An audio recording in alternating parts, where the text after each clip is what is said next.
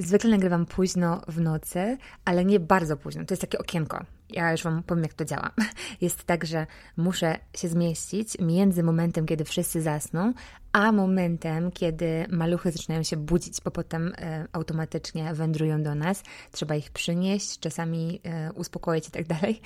No i ciężko wtedy nagrywać. A ten mikrofon jest strasznie czuły. Ja w ogóle chciałam, żeby on był czuły, bo ten poprzedni był nieczuły. A przez to, że on jest właśnie taki czuły, to nagrywa się wszystko i bardzo możliwe, że podczas dzisiejszego odcinka nagrają się na przykład jakieś huki i uderzenia i spokojnie, to tylko sprzątanie na dole i y, standardowe doprowadzanie takie codzienne domu do stanu jakiejkolwiek użyteczności, y, bo no co tu dużo mówić, y, dwa, trzylatki potrafią zrobić totalny Armagedon. I um, nie wiem, dlaczego to wszystko opowiadam. Muszę się wkręcić w dzisiejszy odcinek, a będzie on ciągiem dalszym tego sprzed tygodnia, czyli mamy bieganie ultra i bieganie w terenie. Już skończmy ten temat, miejmy to ze sobą i dychnijmy trochę od niego. Um, i potrzebuję się chyba tak rozbujać dzisiaj, tak czuję, bo wróciłam z biegania, tak wiało, jak mnie wywiało, słuchajcie, biegłam w jedną stronę i myślałam sobie, okej, okay, spokojnie, mam wiatr prosto w twarz, ale z powrotem będę miała w plecy, więc raj. A w momencie, kiedy zawróciłam, to co się okazało? Wiadomo, co się okazało. Dalej miałam wiatr w twarz. Nie wiem, jak to możliwe wiało. Z wszystkich czterech stron świata wywiało mi na amen, więc wskoczyłam e, do kąpieli i przez to siedzę teraz w czerwonej, koronkowej koszuli nocnej, nagrywając podcast o ultra. Mam mokre włosy, które mi kapią na mikrofon i w takim stanie to ja jeszcze nie nagrywałam, także nie wiem, co dzisiaj z tego będzie. I chyba już skończę te wszystkie opowiastki na start i przechodzę do tematu głównego, czyli biegi w terenie i ultra. Zaczynamy.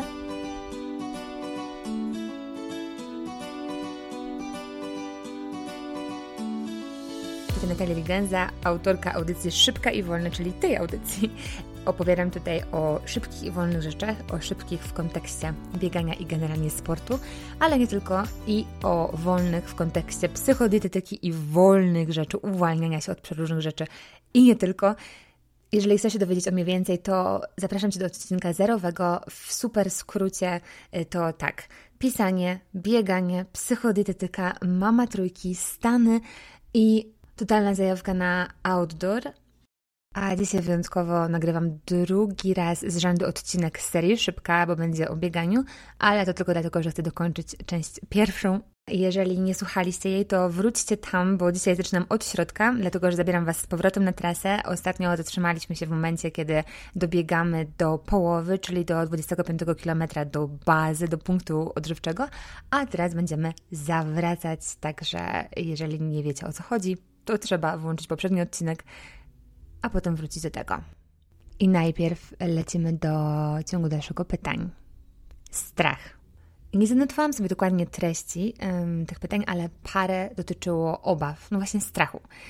I mm, mogę tu wiadomo mówić tylko z mojej perspektywy, czyli perspektywy osoby, która nie biega ultra nawet jeszcze od roku. I okej, okay, zaliczyłam w tym czasie kilkadziesiąt tras w przeróżnych częściach tutaj Rocky Mountain, ale um, teraz też w Utah. I dalej to doświadczenie to taki kompletny początek, zwłaszcza, że nie jestem osobą oswojoną z górami, to tak, żeby nadać kontekstu, jeżeli go jeszcze nie znacie. Um, i też ważne jest pewnie to, że ja nigdy praktycznie nie chodziłam po górach. Naprawdę, nie ciągnęło mnie, nie miałam towarzystwa do towarzystwa. nie miałam towarzystwa do towarzystwa. Nie ciągnęło mnie, po prostu nie szukałam tego towarzystwa. Yy, kochałam skały, kochałam outdoor, ale góry, góry, góry były mi zwyczajnie obce, więc to pewnie ma znaczenie, jak się w nich teraz czuję. Mm, I naprawdę ja się ograniczyłam do jakichś wypadów na deskę, y, które po prostu trudno jest porównać do takiego wielogodzinnego bywania gdzieś w mniejszej lub większej dziczy. Mm, w związku z tym się boję nieprzeciętnie. To znaczy, jestem wręcz pewna, że powyżej przeciętnej, odnosząc się do takich osób, które też w tych górach są i bywają tam częściej i mają większe obycie mam po prostu tak, że ta ciekawość i chęć y, doświadczenia kolejny raz tego wszystkiego jest silniejsza, więc się wystawiam na te próby, mój strach wystawiam na te próby, ale one nie są takie po bandzie, tylko naprawdę delikatne, bardzo, krok po kroku. I zaczęłam od krótkich tras oznaczonych w mojej aplikacji jako topowe, takie najbardziej, powiedzmy, zaludnione. I wiedziałam, że będzie tam po prostu relatywnie dużo ludzi, a jeśli y, zechcę pobiegać dłużej, to mogę powtórzyć te pętle albo gdzieś skręcić, jakby ciągle czując się bezpiecznie, widząc jak wyglądają te trasy, jak się łączą, gdzie jest większa ekspozycja, gdzie mniejsza, gdzie jest więcej krzaczorów tak dalej. Zawsze też dla bezpieczeństwa właśnie sprawdzam e, komentarze właśnie na tej mojej aplikacji, gdzie pokazują się wszystkie trasy, ale na pewno w Polsce też są analogiczne, więc patrzę na komentarze na zasadzie, czy na przykład nie było jakoś bardzo oblodzone, albo mm, czy ktoś nie napotkał, wiadomo, jakiegoś dzikiego zwierzaka, chociaż w sumie to jest takie ruchome, no bo wiadomo, że to, że był tam raz, nie znaczy, że tam dalej jest i na mnie czeka, tak. Mm, patrzę też na mapę aktywności dzikich zwierząt. No ta druga nie do końca pociesza, bo generalnie one są praktycznie wszędzie, no ale są takie miejsca mniej i bardziej jakby zagęszczone, więc zwracam na to uwagę. Rozmawiałam też z wieloma doświadczonymi osobami, które robią to wszystko od dawna i które są stąd. No i znam wszystkie zasady bezpieczeństwa, na przykład co robić w przypadku spotkania z pumą czy z niedźwiedziem albo z grzechotnikiem. Mogę Wam powiedzieć jako ciekawostkę, że trzeba zachować spokój. Wydaje mi się, że to musi być ultra trudne. Za nic nie można się puścić biegiem. To jest jakby najgorszy scenariusz, że się odwracasz i biegniesz. Trzeba się bardzo spokojnie wycofywać, ewentualnie spokojnie mówić do tego właśnie zwierzaka, e, żeby po prostu nie wzbudzić jego agresji, żeby nie poczuł się zagrożony.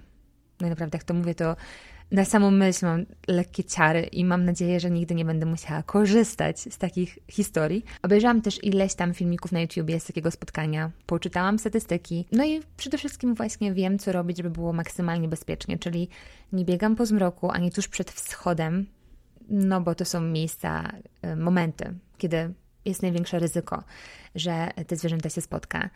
Kiedy jestem w takim dużym odosobnieniu i przy dużym zagęszczeniu jakichś tam drzew, krzaków i tak dalej, to puszczam na głos podcast, żeby sprawiać wrażenie, że mam towarzystwo. No i staram się też być głośna, czyli głośno szuram butami, e, czasami używam tego mojego gwizdka. Spotkałam też kiedyś akurat, to było w chyba Yellowstone, pana, który szedł sam na naprawdę taką hardą trasę. Mijaliśmy się, ja tylko zrobiłam maleńki kawałek, a on szedł tam w głąb e, i miał ze sobą takie radio, takie naprawdę oldschoolowe radio przyczepione do plecaka, które cały czas mu grało. No i wiadomo, że strach ma wielkie oczy, tak? Więc choć zwierząt jest tu pełno, to im nie zależy na spotkaniu z człowiekiem. Traktują nas jak zagrożenie. Y, nawet drapieżne pumy, także trzeba o tym pamiętać, a może nie trzeba, ale staram się o tym pamiętać, żeby ochłonąć trochę z tych emocji. Najgorsze, co się może zdarzyć tutaj u nas, to spotkanie mamuśki z młodymi. Y, no i takich historii słyszałam parę, ale każda skończyła się na strachu. I to jest taki jeden strach, bo w sumie nie wiem o jaki pytaliście, bo to nie było mm, doprecyzowane. Mówiłam już też, że zawsze daję znać, gdzie idę, że mam gaz, że wyłączam tracking. Mm, nie zapuszczam się też w tereny powyżej moich możliwości. I w Colorado to było naprawdę proste, ale w sumie nie tylko tu, bo przecież w Polsce też są niesamowicie harde trasy. Tutaj mogłabym e, w zasięgu niedługiej przyjażdżki autem zaatakować któryś 14-tysięczników, czyli szczytów powyżej 4200. I o ile niektóre są bardzo dostępne, tak inne wymagają już dużo, dużo więcej i naprawdę nie czuję, że chciałabym się tam znaleźć z moimi aktualnymi umiejętnościami.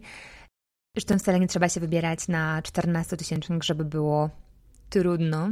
I tak zasadniczo to jestem ostrożna. I zwykle, kiedy się waham, to mówię sobie nie jeżeli się waham między tak i nie, to raczej słucham tego nie. I nie szarżuję. Zawsze też zakładam rezerwę czasu. I nie liczę, że zrobię coś tak szybko, jak na przykład jest w aplikacji, no bo kto wie. Wiele razy mi się zdarzy, że robię coś dużo szybciej, ale też wiadomo, że w górach wszystko się może zdarzyć, także mm, tego pilnuję.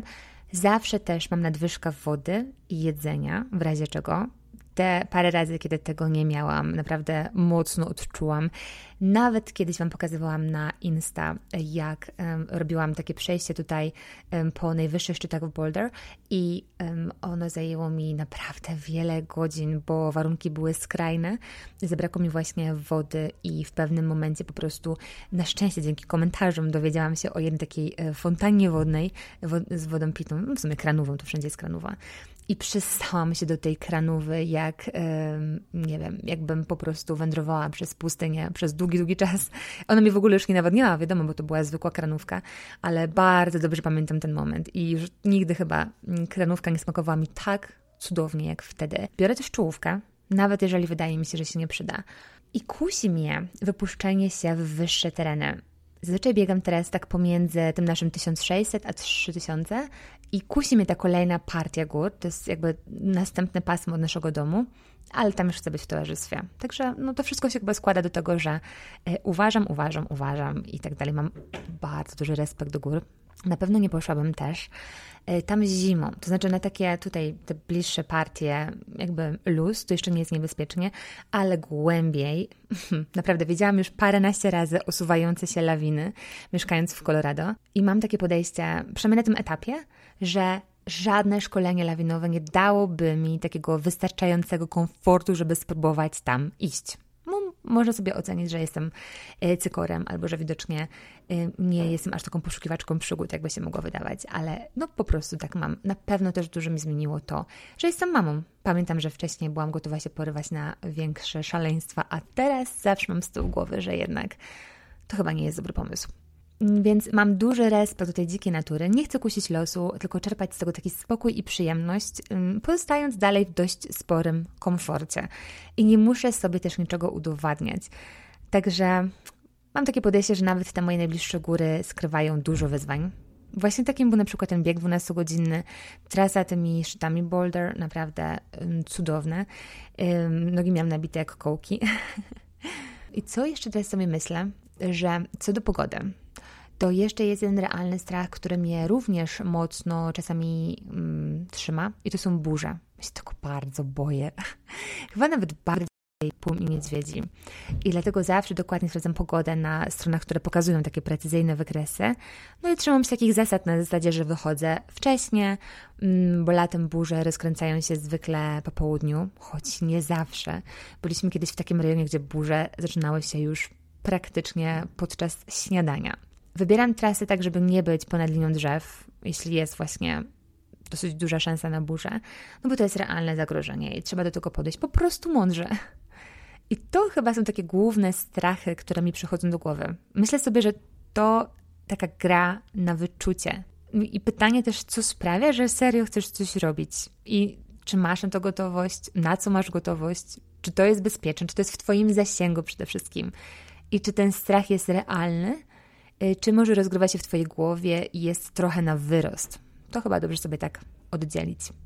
No i pytanie też, czy jest wart tego, żeby go przełamywać? No bo w końcu nie każdy trzeba. Niektóre mogą sobie po prostu być i nas straszyć i nie trzeba ich w ogóle ruszać. Myślę sobie jeszcze tak na koniec tego tematu o strachu, że mm, mi dużo pomaga obcowanie z takimi lokalsami, nawet tak na odległość, nawet obserwując nieznajomych, bo teraz w czasach, wiadomo, COVID-u ciężko jest tutaj zawierać jakieś super znajomości, um, ale kiedy widzę właśnie, jak oni się zachowują, to łapię trochę inną perspektywę um, dla samej siebie Miałam parę takich momentów, które były dla mnie, no, otwierające oczy, powiedzmy. I pamiętam, jak kiedyś, to był jeden z moich pierwszych biegów tutaj, właśnie. Mm, wybrałam się na taką trasę, która prowadzi właśnie z tego 1600 na około 3000. Trasa była naprawdę piękna, tylko okazało się, że jestem na niej praktycznie sama, mimo że była oznaczona jako popularna. I tak im dalej w las, im spokojniej było, im ciszej i im wyżej, tym bardziej ten mój strach rósł i w pewnym momencie już myślałam właściwie, żeby zawrócić, chociaż nic się nie wydarzyło, po prostu wszystko rozgrywało się w mojej głowie i nakręcałam się. I kiedy już czułam taką mocną napinkę, to pamiętam, że zobaczyłam tabliczkę, że wchodzę właśnie na teren mm, dzikich zwierząt. To jakoś tam było sformułowane, nie pamiętam jak, ale dla mnie jakby komunikat był jasny, tak? że na pewno teraz, zaraz, kawałek dalej, coś na mnie czeka, chociaż to jest absurdalne, tak? Ale po prostu tak działa mój mózg. I mm, niedługo potem, kiedy już tak naprawdę bardzo powolutku i ostrożnie podbiegałam do góry, e, spotkałam mężczyznę, który zbiegał ze szczytu. I ja po prostu byłam przeszczęśliwa, że go spotkałam. Czułam się, jakbym siedziała w tych górach już bardzo długo, e, nie widząc właśnie nikogo. Taka ulga na mnie spłynęła, że on tam jest, że ma się dobrze i tak dalej. I e, zaczepiłam go zaraz i zapytałam, Mm, o te dzikie zwierzęta i zapytałam go, wiecie, pewnie już trochę mnie znacie, wiecie, że ja czasami strzelam tymi słowami jak z karabinu i zapytałam go, czy spotkał jakieś dzikie zwierzęta, czy to są pumy, czy to niedźwiedzie i tak dalej, że trochę się ubawiam, ale ha, ha, ha, wszystko okej. Okay. No po prostu naprawdę pewnie gadałam piąte przez dziesiąte i um, on spojrzał na mnie na początku, roześmiał się i powiedział coś w stylu, że a, tak, tak, no, że widział dwie pumy, ale że generalnie to luz. I więc ja na pewno zbladłam, pamiętam, że przez momencie zawiesiłam, ale oczywiście zaraz się zorientowałam, że mnie wkręca, już widziałam to w jego oczach i zresztą zaraz oczywiście się zaśmiał i, i wszystko jakby było jasne. Mm, I to był taki moment, kiedy stwierdziłam, skoro on z tego cedzi, to chyba jednak przesadzam, tak? To jest trochę tak z tymi pumami tutaj, że wszyscy wiedzą, że one tu są, ale mało komu udaje się je spotkać. I jeżeli już się udaje, to zawsze są filmiki na necie i to jest jakieś tam wydarzenie. Także tak jak mówię, one zwykle po prostu nie chcą spotykać ludzi i nie wystawiają się, więc pewnie gdzieś tam są, ale na szczęście nie jesteśmy tego tak do końca świadomi. A i wiecie co jeszcze? To będzie dobre. Um, polecam Wam gorąco dwie książki. Akurat akcja obu z nich się dzieje w Stanach. Um, nawet tak się składa, że na dwóch z trzech um, tych takich top trzech, dwóch z trzech, top trzech szlaków długodystansowych. Krótka historia jest taka, że mamy tutaj trzy szlaki, które pokonuje się miesiącami, tak około 4-6 miesięcy to jest taka średnia i one razem tworzą taką Triple Crown. E, I mamy tak, mamy szlak, który idzie powiedzmy, że środkiem i między innymi przez Colorado e, i nazywa się Continental Divide. Mamy e, potem na zachodzie między innymi biegnący przez Kalifornię Pacific Crest Trail i potem na wschodzie Appalachian Trail. I są dwie książki, y, które właśnie dzieją się na tym wschodnim i na zachodnim szlaku, zupełnie jakby z dwóch różnych bajek i już Wam mówię o jakie chodzi. Więc tak, Pacific Crest Trail polecam Wam gorąco, jeżeli jeszcze nie znacie, książka Dzika Droga. To jest prawdziwa historia. Na jej podstawie też był nakręcony film autorstwa Reese Witherspoon i jest ona cudowna po prostu kocham tę książkę tak bardzo, że kupiłam ją w prezencie wielu moim koleżankom, nawet tym, które nie lubią ani biegać, ani e, wędrować, ani nawet nie lubią właśnie takich klimatów, bo to jest książka o wytrwałości, ale jeżeli się boimy takich właśnie mm, klimatów, a jednocześnie nas ciągnie, to myślę, że ta opowieść może być świetna, bo Autorka też nie miała praktycznie żadnego doświadczenia w tego typu wędrówkach. Wybrała się sama i to miała być dla niej taka podróż trochę terapeutyczne, żeby przemyśleć różne rzeczy i się odgrodzić od nich. A koniec końców oczywiście okazało się, że tak naprawdę się z nimi trochę połączyła. Nie będę więcej opowiadać, polecam totalnie bez żadnego wahania. A druga książka, która się dzieje z kolei właśnie na wschodzie, czyli na tym Appalachian Trail, e, to jest z kolei opowieść e, Scotta Jurka, e, czyli bardzo znanego ultrasa i on pokonał e, tę trasę w rekordowym tempie, czy pokonał, pobił rekord, ale niedługo później jego rekord znowu został pobity, jak to z rekordami bywa, mm, ale opowiadano właśnie bardzo szczegółowo, jak to było, jak pokonuje te kolejne etapy i też miał tam spotkanie z niedźwiedziem, plus różne inne akcje dziejące się właśnie w środku przyrody, także też mogę polecić totalnie ze szczerego serca. Mówi się zwykle, że nie da się nadrobić z biegiem tego, co się straciło na podbiegu. I ja totalnie to teraz czuję. To znaczy, czuję od właściwie samego początku, że ten powrót będzie jazdą mm, i to tempo mocno mi zjedzie. I zaczyna się już od wdrapywania do góry kanionu z momentami takiej łatwej wspinaczki. I tutaj już czuję, że wysiłek przypomina bardziej jakieś takie crossfitowe wskakiwanie na skrzynię niż takie klasyczne bieganie. Mm, I potem się zaczyna taka długa droga. Słońce jest już bardzo wysoko, 25 km do mety. To mnie akurat nie przytłacza. Znaczy, same 25 km nie są jakimś dużym wyzwaniem, ale tempo, w jakim je pokonam, już tak, no bo po prostu znacznie zwalniam i ta trasa się po prostu jakby rozciąga w mojej głowie. Mm, słońce daje mi centralnie w twarz. Nie jest to przyjemne. Czuję się trochę jak w pustyni i w puszczy, w tym fragmencie o pustyni oczywiście. I to naprawdę jest ostatni dzwonek, żeby biegać po Moab, bo obstawiam, że za miesiąc będzie tu piekiełko z takim nie do wytrzymania, zerowym cieniem, gdzie można się usmażyć jak jakaś krewetka na masełku tylko że bez masełka, bo tu jest strasznie sucho. Hmm. To jest taki odcinek, gdzie właściwie mogłabym Was uśpić opowieścią, bo kilometry zaczynają wpadać w takim, wiecie, mm, jakby niechcący spowolnionym filmie, gdzie daliście prędkość na przykład 0,8 albo 0,7 I nie umiecie znaleźć przycisku, żeby to zmienić, przyspieszyć. Wiedziałam w sumie, że będzie hardo, bo organizator wysyłał jeszcze parę dni wcześniej maila, e, pisząc o tym, że czeka nas długi odcinek z 15-kilometrowym ciągłym podbiegiem, oczywiście bez żadnej stacji po środku, no i że mamy się przygotować, jak chodzi o zapasy wody. Także możecie sobie teraz wyobrazić człowieka z przytkanymi zatokami, wystawionego na pełne słońce, który w takim dość równym, ale spowolnionym tempie przemieszcza się między tymi skalnymi schodami, między e, pojedynczymi, wyschniętymi krzakami, między skalnymi formacjami, które nie przypominają absolutnie niczego. Krajobraz się cały czas trochę zmienia, ale jest surowo i jest pięknie. Mnóstwo mi daje to, że nie czuję żadnej presji. I przez to też moja mobilizacja jest taka dosyć specyficzna, inna niż zwykle, bo jednak zwykle mam w głowie, że o coś walczę. Jak nie o miejsce, bo konkurencja jest na przykład zbyt mocna, to o mój osobisty, prywatny czas. Na tym 12-godzinnym biegu walczyłam o, o kilometraż, bo wiedziałam, że coraz mniej dziewczyn spotykam na trasie, więc mogłam przypuszczać, że część z nich się poddała, a tutaj po prostu nic. I samo ukończenie nie jest dla mnie specjalnie nobilitujące i, i wiem, że to może brzmieć jakoś tak hmm, zachłannie, czy nie wiem, ignorancko, ale nie ma już aż tak wielkiej różnicy między 42 a 50 kilometrami.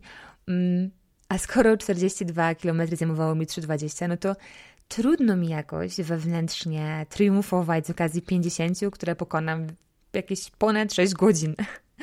No jasne, że teren, warunki, kondycja i tak dalej, no to wiecie w czym rzecz, prawda? Wiecie w czym rzecz. Także przypinam się na tryb podstawowy. Zupełnie nie rozkminiam, no to nie ma sensu. Mm, po prostu nic, nic, nic. Myślę tylko o bieganiu albo o niczym. O tym, żeby co chwilę pić, żeby spowolnić, gdy za bardzo mi skakuje tętno, a, a wyskakuje w górę szybciej niż zwykle.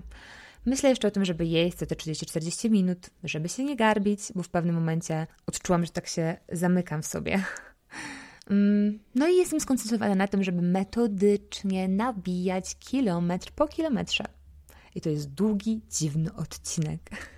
Spotkałam tam może z 20 osób max zupełnie się rozciągnęliśmy. Z trzema dziewczynami mijam się tak seriami, że raz one mnie przyznają, raz ja jej, tak ciągle i ciągle i good job, nice work i parę zamienionych słów, ale właściwie to żadnej z nas się nie chce specjalnie rozmawiać. Jest tak sucho, zasycha nam w gardle po paru słowach. Nigdy chyba nie miałam podobnego mm, biegu, takiego totalnie prostego. To znaczy, ani nie dociskam się na maksa, ani nie próbuję przekraczać żadnych granic, ani nawet nie mówię sobie nic dopigującego. Nie jęczę w środku. że, że nie wiem, że czołówka mi już dawno łyknęła i że będę w takim szarym środku. Po prostu jest bardzo zwyczajnie. I na dodatek, choć tu miło by było dodać jakiś kryzys, żeby dodać też emocji, to ja go nie mam. Wiem, że kiedyś w końcu dobiegnę, że zadzwonię, żeby ktoś mnie odebrał z tego middle of nowhere i, i dzień sobie poleci dalej. Tak jakby ultra po prostu wcale nie było. Pytania.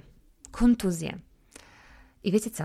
Chcę ten temat rzeka potraktować trochę po macoszemu, a to dlatego, że on jest właśnie taki rozbudowany i uważam, choć w sumie podkreślam, że ja nie jestem ultra ekspertem, ale uważam, że kontuzje ultra w dużej mierze przypominają te z asfaltu, bo i biegacze ultra trenują w głównej mierze na asfalcie. To, co się może dodatkowo wydarzyć, to są takie ostre urazy, które wynikają na przykład z wywrotki, z nierównego terenu, jakieś skręcenie kostki i większe hardcore. I w pewnym stopniu możemy się przed tym uchronić, budując sobie cierpliwie silne ciało, które się nie giba, czy nie gibie się, nie wykręca się jak taki, jak taki ludzik z gumy przy każdym ruchu. Ale są i takie historie, na które żaden trening nie pomoże te wynikające z pecha i tyle. Tak jak u sprinterów zdarzają się na przykład naderwania mimo bardzo precyzyjnego treningu, tak i tutaj u ultrasów czy tam generalnie biegaczy trailowych mogą się wydarzyć jakieś pechowe akcje. Ważne będą na pewno dobre buty, przy czym dobre e, nie chodzą pod logo jakiejś konkretnej jednej marki, tylko są dopasowane do Twojej stopy, do terenu, w jakim będziesz, będziesz głównie biegać. Ja znowu mówię w pojedynczej. I do czego jeszcze? Do upodobań. Te trzy rzeczy. Stopa, teren, upodobania. Dlatego będę nudna. Idziemy w treningu stopniowo, zanim puścimy się na jakieś tam trudne tereny, jak, nie wiem, dzikie łosie. nie wiem, co ja mówię. Przyznam Wam, że mnie rozprasza to, że jeszcze na dole moja starszeczka nie śpi, tylko tam rozbija się tymi klockami i próbuje ogarnąć to, co wcześniej porozwalali. Nieważne. Chcę powiedzieć, żeby zanim się powiemy na coś mocnego, sprawdzić, czy to nie będzie dla nas przypał. Taki, wiecie, w stylu wyjścia w Japonkach na jakieś morskie oko. No, a reszta to już jest kwestia losu. Choć dodam może jeszcze tylko, choć chyba wspominałam, że bieganie to nie tylko bieganie. I nawet ten czas kontuzji może być aktywnie spędzony. Po pierwsze, jeżeli ta kontuzja w ogóle to pozwala, to określi fizjoterapeuta, a po drugie, jeśli tylko się otworzymy na inne sporty i uwierzymy, że one mogą bardzo pomóc, nawet stricte w bieganiu. Dodam może jeszcze tylko, że ma znaczenie też taka codzienna dieta, codzienne menu. Może nie jest kluczowe pod kątem kontuzji, ale wciąż ma znaczenie. Bo jeżeli nie dojadamy, jeżeli mamy zbyt niską dostępność energii albo niedobory żelaza, co jest częste wśród kobiet, wśród, wśród sportsmenek, więc będąc kobietą sportsmenką mamy tym bardziej zwiększone ryzyko. Jeśli na przykład nie, nie wypełniamy swojego zapotrzebowania na wapnie czy na inne mikroelementy, które wpływają na silne kości, to też możemy dorzucać taką małą cegiełkę w kierunku gorszej wydolności, samopoczucia. No i właśnie też sprawności, a to potrafi sprzyjać urazom. To jeszcze, e, bo już będziemy kończyć, myślę, ostatnie dwa pytania. Po pierwsze, trenowanie w niedoczasie. Powiem tak. Dużo zależy tutaj od punktu wyjścia i od celu. Bo mm, może być tak, że niedawno zaczęliśmy, rozkręcamy dopiero tę swoją wydolność i marzy nam się na przykład, no nie będzie ten przykład 50 km w terenie. I zakładamy, że jakoś to będzie. Bo w końcu można przejść do marszu, bo nikt nas nie zdyskwalifikuje, nie będzie nas tam mm, gonił z jakimś kijem czy coś. To jest jakby jeden scenariusz. Albo może być tak, że mamy na przykład świetną formę wyrobioną na asfalcie, dużo obycie, e, pokonaliśmy na przykład dosyć żwawy maraton na asfalcie i kusi nas te 50 km w górach, ale nie biegaliśmy nigdy w terenie. I to są dwie zupełnie różne historie. I obie te osoby mogą pokonać tę 50, ale jeśli tak będzie, to ta pierwsza okupi to dużo większym kosztem, więcej zaryzykuje, no i na pewno też będzie miała z tego mniejszą przyjemność. Zmierzam w sumie do tego, że trzeba sobie dobrze oszacować przede wszystkim no, ten cel, a potem dopiero myśleć o trenowaniu w niedoczasie. Bo pytanie, czy ten niedoczas będzie tylko lekką przeszkodą, i po prostu trzeba będzie się trochę bardziej postarać nakombinować, czy może on sprawi, że będziemy ryzykować i że się porwiemy z motyką na słońce. Może na przykładzie. Zrobiłam tak teraz. E, ciągle jeszcze w ciągu dnia zupełnie nie mam czasu. Po prostu on nie istnieje. Moje bliźniaki idą do przedszkola latem, nie chcą już ze mną biegać w wózku. Gdy mam czas, czyli zwykle między 5 a 6 rano albo, albo po 21, to poświęcam go na pisanie w ramach dwóch WEN, czyli, czyli mojej copywriterskiej działalności, na naukę do egzaminu, naukę na psychodietetyczne studia i nie tylko studia, na naukę do egzaminu na trenera przygotowania motorycznego, na przyjemności, no jeszcze na ranów mam i na przykład na takie nagrywanie podcastu i wszystko, co się wokół tego dzieje. Także no, to trochę takie lekkie szaleństwo, póki co wiem. Także Trenowałam po linii najmniejszego oporu i, i pewnie nie ma się czym chwalić. Ale robiłam to świadomie i dopasowałam potem do tego swoje tempo i oczekiwania. Po prostu wiedziałam, że to będzie taki bieg bez szału w moim wydaniu. I wiedziałam też, że będę bazowała na mojej ogólnej wydolności, takiej budowanej latami. I wiedziałam, że nie mam przestrzeni w tym momencie na takie mocne przygotowania po ultra, że to musi poczekać. Bo gdybym chciała wyciągnąć z siebie coś koło maksa, to musiałabym trenować porównywalnie do maratonu, a prawdopodobnie bardziej, a to nie jest spacerek po parku. Dam, dam Wam parę patentów, ale zaznaczam, że nie każdemu one się mogą sprawdzić. Dużo zależy od stopnia wytrenowania i tego, jakie ma się słabe i mocne w sumie też strony w, w bieganiu. Można skrócić długie wybiegania i zamienić je na przykład na bieg z narastającą prędkością albo bieg w terenie czy cross. Dalej, można symulować bieg w terenie e, bieżnią, jakby biegając na bieżni. Robiłam sobie różne urozmaicenia, mm, na przykład dłuższe podbiegi, imitowałam choć po części taki pofałdowany teren, oczywiście bez biegania, wiadomo. Więc to, można tak no, choćby dwa, trzy razy w tygodniu wstać dosłownie 15 minut wcześniej i zrobić wzmacnianie. To jest czasami lepsza inwestycja niż kolejne kilometry. Można zrobić 6 kilometrów na rowerze. W moim przypadku na szosie, na trenażerze. No bo kiedy robiło się już ciemno, to nie chciałam wychodzić po zmroku na zewnątrz, a takie właśnie um, kilometry budujące wydolność tlenową spokojnie możemy właśnie wykonać na, na rowerze. Można nawet powiedziałam, że trzeba pomyśleć, co daje jakiś konkretny trening. Czy to jest takie symboliczne wyjście na nabicie kolejnych wolnych kilometrów, które w pewnym momencie już niewiele dają? Czy może mamy jakiś cel? No a bieganie bez niego to jest takie, no wiecie, takie bezcelowe. Czyli załóżmy siła biegowa. Jeżeli chcemy mieć lepszą siłę biegową, żeby lepiej pokonywać podbiegi, no to e, robimy sobie, załóżmy, serię 10 rytmów albo skipy, albo inne ćwiczenia, które e, działają właśnie na tę siłę biegową. Innym patentem są też schody, wspominałam już o nich. To jest taka opcja, która w jakimś tam zakresie przybliży Was do motywu podbiegania i zbiegania. No i jest totalnie ogólnodostępna, nawet w parszywą pogodę. Jeżeli macie gdzieś w okolicy albo mieszkacie w jakimś wysokim budynku, no to e, trening cudo. Ale tak ogólnie, no to naprawdę, naprawdę, podkreślam to, Zastanawiałabym się najpierw, na co mogę sobie realnie pozwolić. Czy to ma szansę się udać? I po tych wszystkich latach, ja, babcia biegania, mogę powiedzieć, że trzeba sobie dobrze ustawić oczekiwania i nie traktujcie tego jako taki frazes. No i pytanie, czy to ma być zabawa, rekreacja i właśnie takie zero oczekiwań, byle bezpiecznie w komforcie, czy może chcemy o coś powalczyć?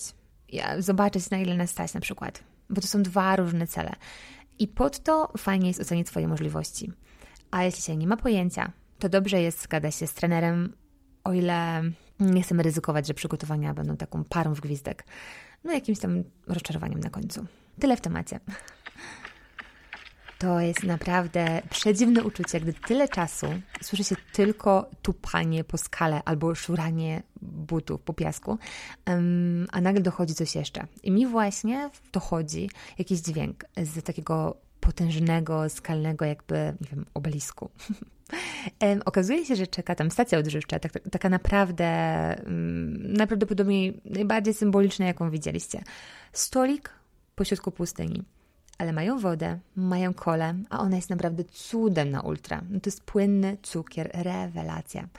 Mm, do tego miski żelki, I jeszcze pocieszenie, że to jest już tylko ostatnia dyszka, przy czym e, jestem w takim stanie ducha, w takim właśnie transie, że nawet nie robi mi to różnicy. Mam tylko poczucie, że to będzie bardzo długie 10 kilometrów, bo mm, choć mamy już ze sobą te 15 kilometrów ciągłego podbiegu, to y, ciągle odnoszę wrażenie, że ta trasa dalej po horyzont ciągnie się do góry. Tak widzę jak na dłoni i mam poczucie, że ona wcale nie jest zbiegiem. I tutaj właśnie zauważyłam, że zgubiłam gdzieś zatyczkę, tak jakby ustnik do mojego flaska i woda zaczyna mi strasznie wkurzająco chlupać. Okazuje się, że to małe cudo wcześniej zupełnie ją wyciszało i, i nie tryskała jak taki mały gejzer, a teraz już tak. No, jest strasznie mnie to drażni, taki szczegół, ale kiedy do kogoś dobiegam, to słuchać najpierw tę wodę, a potem jej mój oddech, który już na tym etapie jest naprawdę dosyć ciężki i na pewno słyszalny, taki znużony.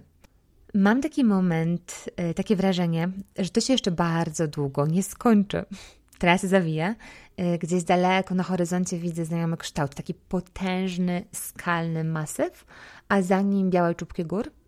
Ale zamiast się do tego przybliżać, to odbijamy w drugą stronę. Naprawdę w pewnym momencie mam wrażenie, że spojrzałam na złą kartkę, wstążkę e, i po prostu popełniłam błąd. Dalej nie jest z górki. Choć wyraźnie pamiętam, że początek był długo pod górkę, więc teraz powinno być według wszelkich praw fizyki i nie tylko z górki, tak. Śmiejemy się wtedy z jedną z dziewczyn, e, z którą na zmianę się właśnie tak wyprzedzamy, że no to jeszcze tylko dyszka, przy czym ta dyszka może nam zająć nawet godzinę, co już w ogóle nie pasuje do słowa tylko, biorąc pod uwagę, że biegniemy już ponad 5 godzin, mm, ale jest okej. Okay. Generalnie ultra to jest naprawdę dobre ćwiczenie na głowę. Doskonałe, chyba lepszego jeszcze nie doświadczyłam. Zresztą mówi się, że biega się je głową, znaczy, że ultra biega się głową. I w sumie jeszcze nie wiem, ale od dawna mam taką, mam poczucie mocną głowę w sporcie. Psychologia sportu to jest mój konik, mówiąc tak zupełnie skromnie. Także mam nadzieję się jeszcze kiedyś przekonać i wystawić się na taką naprawdę mentalną próbę i zobaczyć, bo czułam, że na przykład te 12 godzin, do których tak ciągle zawijam, e, nie było dla mnie jakoś bardzo wymagające psychicznie. I teraz ta pustynia też nie jest. Tak ta końcówka wygląda. Naprawdę, jeśli czytaliście któreś z moich relacji, czy to z biegów, czy z triathlonów yy, na blogu, czy na Ranów Mam, to wiecie, że tam zawsze coś się dzieje, zawsze jest jakiś gruby kryzys, jakiś przypał, coś staje na mojej drodze, po prostu to było pewne, że coś się wydarzy. A tutaj no, jedyne co stanęło to ta, no, ta nocka. To takie mini przeziębienie dosłownie dwudniowe. Um, ale poza tym nic. Pobiegłam to w dość spokojnym tempie, jak po sznurku i wiem, że mogłabym tak jeszcze dłużej, gdyby ktoś mi dał coś słonego i dobrego do jedzenia, bo już mnie na tym etapie tak mdli od tych słodkich rzeczy, że um, robię się bliska takiego znajomego stanu, kiedy kusi mnie, żeby nie jeść. Żeby nie jeść i żeby założyć, że jakoś to będzie. Ale pamiętajcie, że tu trzeba czujnie, bo tu często jest iluzja. Nagle dochodzi odcinka. I wtedy zaczynają się pojawiać jakieś znaki, e, nazwijmy to, cywilizacji. Najpierw e, pamiętam parkę kolarzy, potem krosy, znaczy motory krosowe, wyjeżdżające z takiej bocznej, pieszczystej ścieżki, a potem pojawił się jakiś taki samotny namiot rozbity pod skałą. No i dalej już coraz bardziej wyraźne znaki, że to już niedługo, znaczy, że już niedługo będziemy na miejscu. Zwłaszcza w momencie, kiedy trafiamy na takich już spacerowiczów z dzieckiem. Mam w ogóle wtedy wrażenie, jakbym była z innej bajki, taka zupełnie zapieszczona. Nawet twarz mam oblepioną piachem, jest taka szorstka. Buty zupełnie pomarańczowe, skarpetki, które były białe, też są pomarańczowe. I w końcu widzę z góry metę. Wszystko wygląda cudnie i minimalistycznie, znaczy natura. Jest takie żółto-pomarańczowe, niebo jednokolorowe, mocno niebieskie. Do tego właśnie też do góry, jak takie lody waniliowe. I potem już tylko puszczam się luźno na zbieg. Trasa robi się w końcu, w końcu bardziej pochylona. Przemyka mi przez głowę taka w ogóle lekko paniczna myśl, że y, pojęcia nie mam co dalej. I zaczyna mi tak to dopadać, że nie wiem, czy jeszcze wchodzić w te ultra, czy może coś innego, a jeżeli coś innego, to, to właściwie co i według jakiego klucza ja mam to teraz wybierać i, i tak dalej. Ale odrzucam to i no, generalnie takie momenty to nie są dobre momenty na podejmowanie jakichkolwiek decyzji. Trzeba je sobie podjąć w lepszym stanie ciała i umysłu. Także, zwłaszcza jeżeli czasami biegniecie coś i macie taki głęboki kryzys i myśli typu, że rzucacie to i tak dalej, to prawdopodobnie ta myśl nie jest po prostu prawdziwa. Na chłodno wszystko wygląda inaczej. I potem już e, pojawiają się ludzie, dużo ludzi. Ostatnio prosta, e, krzyczące kibice, przypominam sobie wtedy, że to kiedyś była norma. Wiecie, to już takie odległe się wydaje teraz, ale hmm, zawsze jednak ci kibice byli. No a tutaj na tych 50 kilometrach było jedynie um, tych dwóch mężczyzn siedzących e, bez koszulek na skale i naparzających w bęben, a tak to nic. Czytają zaraz moje nazwisko. Jak zwykle jestem jakaś legenza. Medal jest przepiękny, taki pastelowy, Zobaczcie na Insta. W bufecie czeka mnie paskudnie wyglądające wege burrito, od którego naprawdę aż mi skręca żołądek. E, próbuję wcisnąć w siebie kawałek banana, no bo coś tam zjeść lepiej, no trzeba by było. Siadam na wysuszonej trawie wzdłuż e, ostatniego odcinka i tak jeszcze przez jakieś może pół godziny krzyczę i klaszczę i kibicuję innym. A potem odbieram SMS-a od e, mojej mamy, coś w stylu: No to teraz wracaj i sobie odpoczniesz. A kiedy wracam, to nie da się nawet usiąść, bo takie rzeczy są niemożliwe przy piątce dzieci. Znaczy, dodam, że tylko trójka z tej piątki jest moja, ale piątka była na wyjeździe. Ostatnie pytanie. Co jest najtrudniejsze i co jest najlepsze? Dla mnie najtrudniejsze są dwie rzeczy. Jedna jest pragmatyczna, a druga mniej. I po pierwsze, pogodzenie dobrego trenowania z małą ilością czasu mam swoje ambicje, jakieś tam predyspozycje i wiem, że się dopiero rozpędzałam. Trenowałam tak przykładnie zaledwie może dwa lata i naprawdę szło ciągle lepiej i byłam nakręcona tymi postępami, a teraz nie mam na to przestrzeni. Po prostu jeszcze nie. I postanowiłam się nie szarpać, tylko poczekać. A druga, najtrudniejsza rzecz to jest, um, myślę, pogodzenie się z tym i, i wyłowienie takiego celu, który jednocześnie da satysfakcję, ale nie zostawi takiego hmm, takiego niesmaku i może nawet smutku, że, że coś jest póki co dla mnie nieosiągalne.